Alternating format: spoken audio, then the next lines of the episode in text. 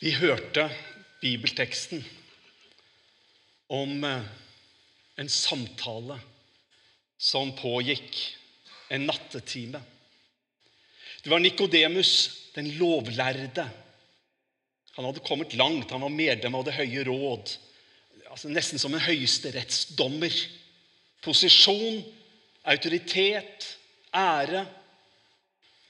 Kunne alt om Det gamle testamentet.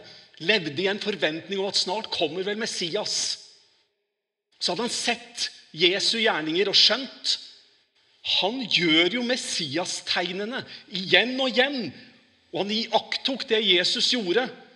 Og han tenkte Kan det være han?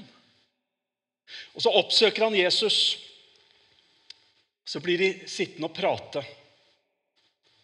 Han tok seg en sen kveldstur, eller om det var nattevandring.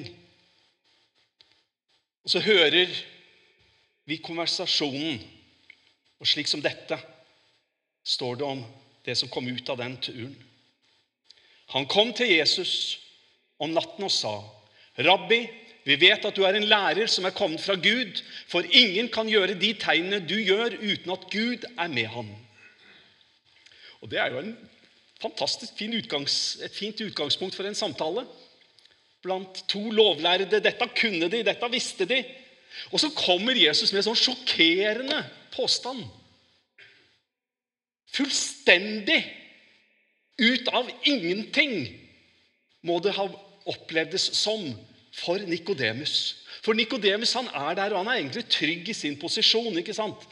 Han er innafor. Det vet han. Han er innafor. Han er jo Abrahams barn. Det er klart at han har, han, han har del i Guds rike. Han har jo alt på plass.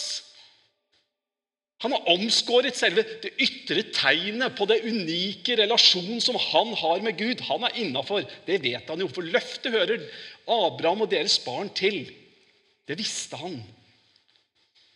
Så posisjonen hans da, i Det høye råd.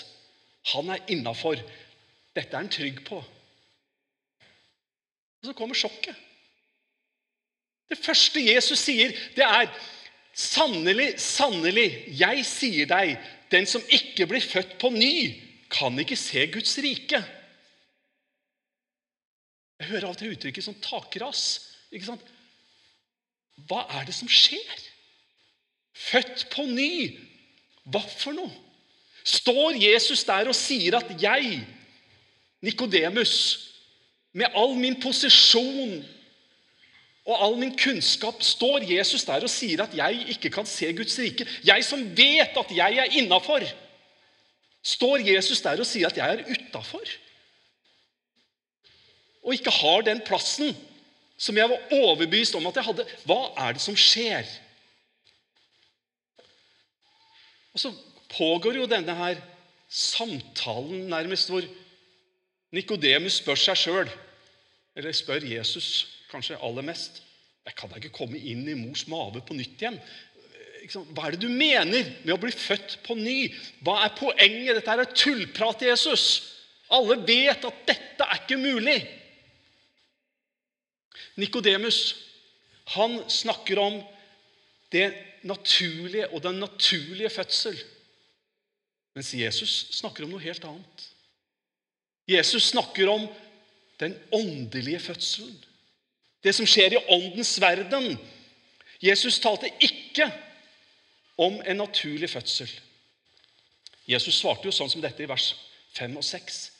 Sannelig, sannelig, jeg sier deg, den som ikke blir født av vann og ånd, kan ikke komme inn i Guds rike. Det som er født av kjøtt, er kjøtt. Det som er født av ånden, er ånd. Det er jo ikke første gang Jesus er opptatt med dette med å bli født. Dette å bli Guds barn.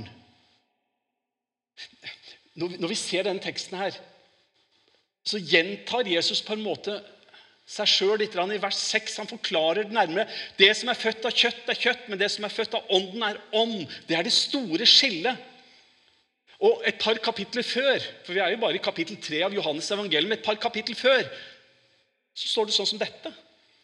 Men alle som tok imot ham, dem ga han rett til å bli Guds barn.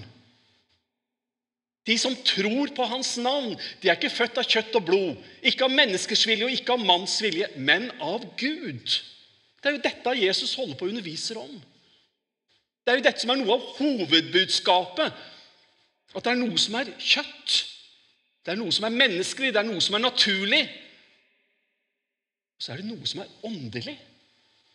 Og det er av en annen karakter. Jesus sier jo her ikke sant, hva det ikke er. De er ikke altså de som er Guds barn, de er ikke født av kjøtt og blod. For det er, sant, det er, det naturlige.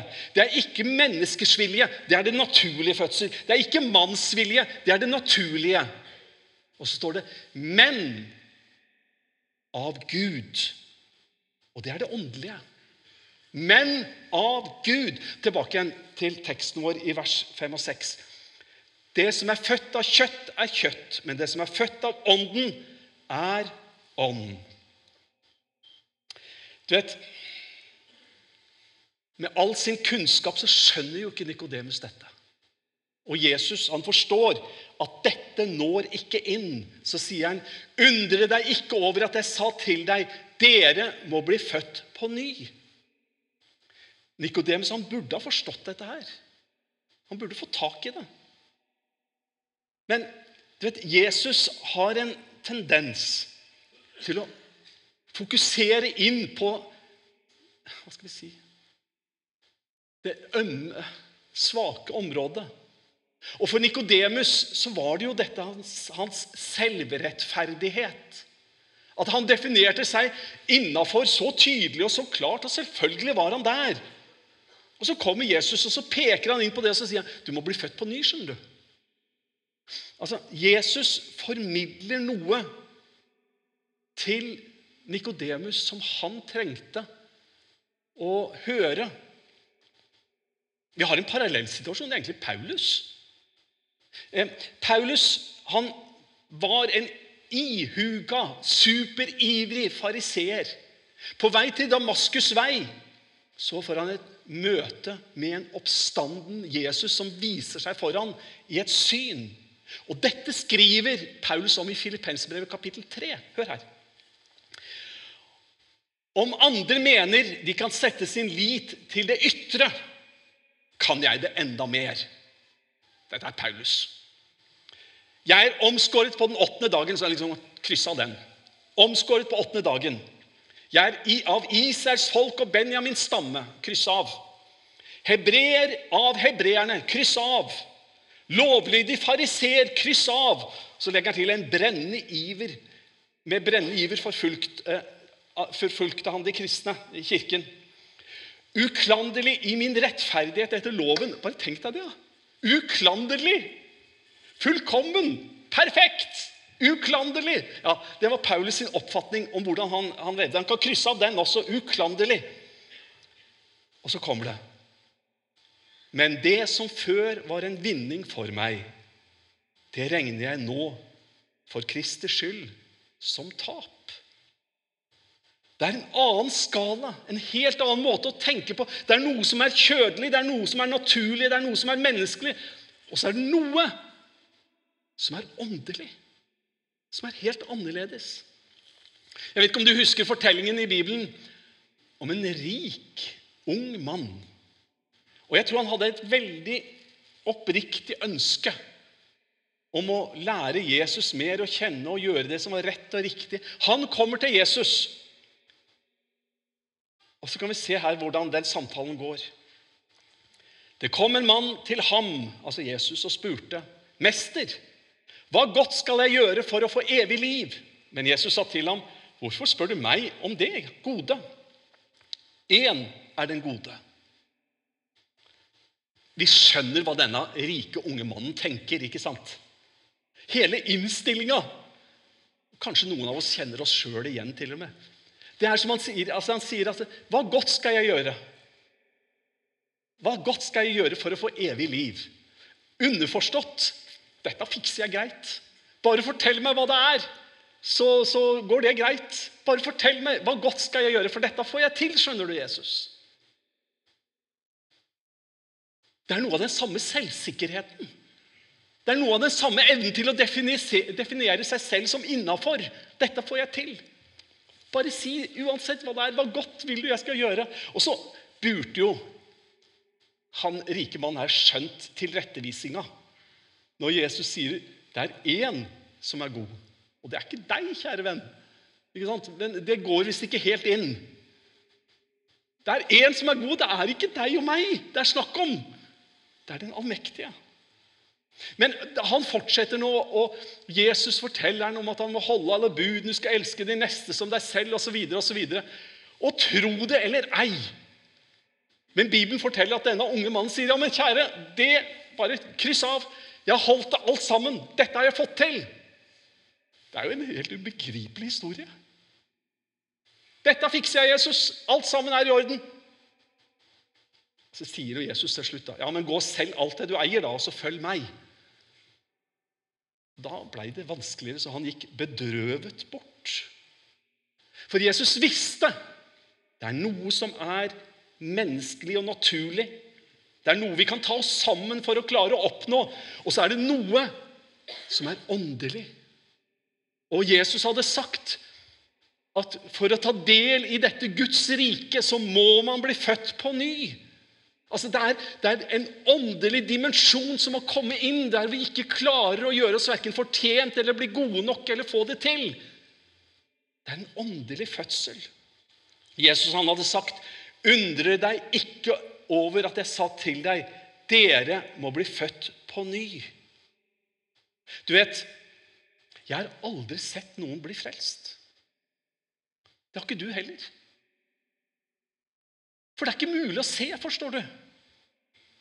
For det er noe som skjer i åndens verden inni mennesker. Du har aldri sett noen bli født på ny. For det er ikke mulig å se det. Vinden talte Jesus om. Den blåser. Du ser ikke vinden, men du kan se resultatene av vindens arbeid. Du kan se effekten. Noen ganger veldig, veldig dramatisk. Du ser ikke vinden. Du kan høre lyden, og du kan se konsekvensen. Og så underviser Jesus oss om at det Ånden gjør Det er ikke så lett for oss å se, men vi kan se resultatet av Åndens gjerninger. Så kommer vi til vers 14. Der står det Og slik Moses løftet opp slangen i ørkenen, slik må menneskesønnen bli løfta opp, for at hver den som tror på ham, skal ha evig liv. Nikodemus kunne den fortellingen. Det kan jeg garantere deg. Det var om Israelsfolket med Moses som leder. De gikk der og klaga og klaga og klaga og klaga. Og klaga. Og til slutt ble visst Gud lei av all klaginga. Og han lot slanger komme inn i leiren og beit dem. For en merkelig historie. Og de kommer til Moses og klager over slangene. Og så sier Gud, lag en kobberslange. Lag, lag, lag, dette symbolet. Hvorfor Gud valgte det som symbol, det vet jeg ikke. Men lag dette symbolet, og gjør det sånn at hvis folk har løftet blikk og ser opp til slangen som henger der, da skal de bli helbreda. Da skal de bli friske. Så blei det sånn. Fordi det krever tro å løfte blikket for å se opp på noe for å ta imot helbredelse og legedom. Det krever at du tror nok til å løfte blikket. Det er ikke sikkert at det er nok til å skrive en bok om hvor fantastisk trosliv du har. Men hadde man tro nok til å løfte blikket og se opp til slangen, så var det nok. Det var den trosuttrykket som var nødvendig. Og Jesus sier, slik som slik Moses løftet opp slangen i ørkenen, slik må menneskesønnen bli løfta opp, for at hver den som tror på ham, skal ha evig liv. Troa kommer. Det er det som bygger broa fra det naturlige til det åndelige. Det er det som åpner døra for oss, sånn at vi får komme inn og ha samfunnet med den levende Gud. Det er det som gir oss den nye fødsel. Som gjør at vi får lov til å ta imot det verk som Jesus har gjort. Den veien som han har åpna. For vi vet jo det at vi, vi blir aldri gode nok, noen av oss. Nikodemus kunne ha fortsatt og prøvd fram til dags dato. Det kunne den rike mann, og det kunne Paulus, og det kunne hver eneste en av oss. Men det vil alltid være det naturlige, det menneskelige, så lenge vi prøver. Men om vi løfter blikket og ser opp til Jesus, så kommer det noe som ikke vi kan se. Men Den hellige ånd kommer, skaper noe nytt, og vi får lov til å regnes som Guds barn. For tenk du, det er sant, det som står i Johannes 1, 12. Alle som tok imot ham, dem ga han rett til å bli Guds barn. De som tror på hans navn. De er ikke født av kjøtt og blod, ikke av menneskers vilje og ikke av manns vilje, men av Gud.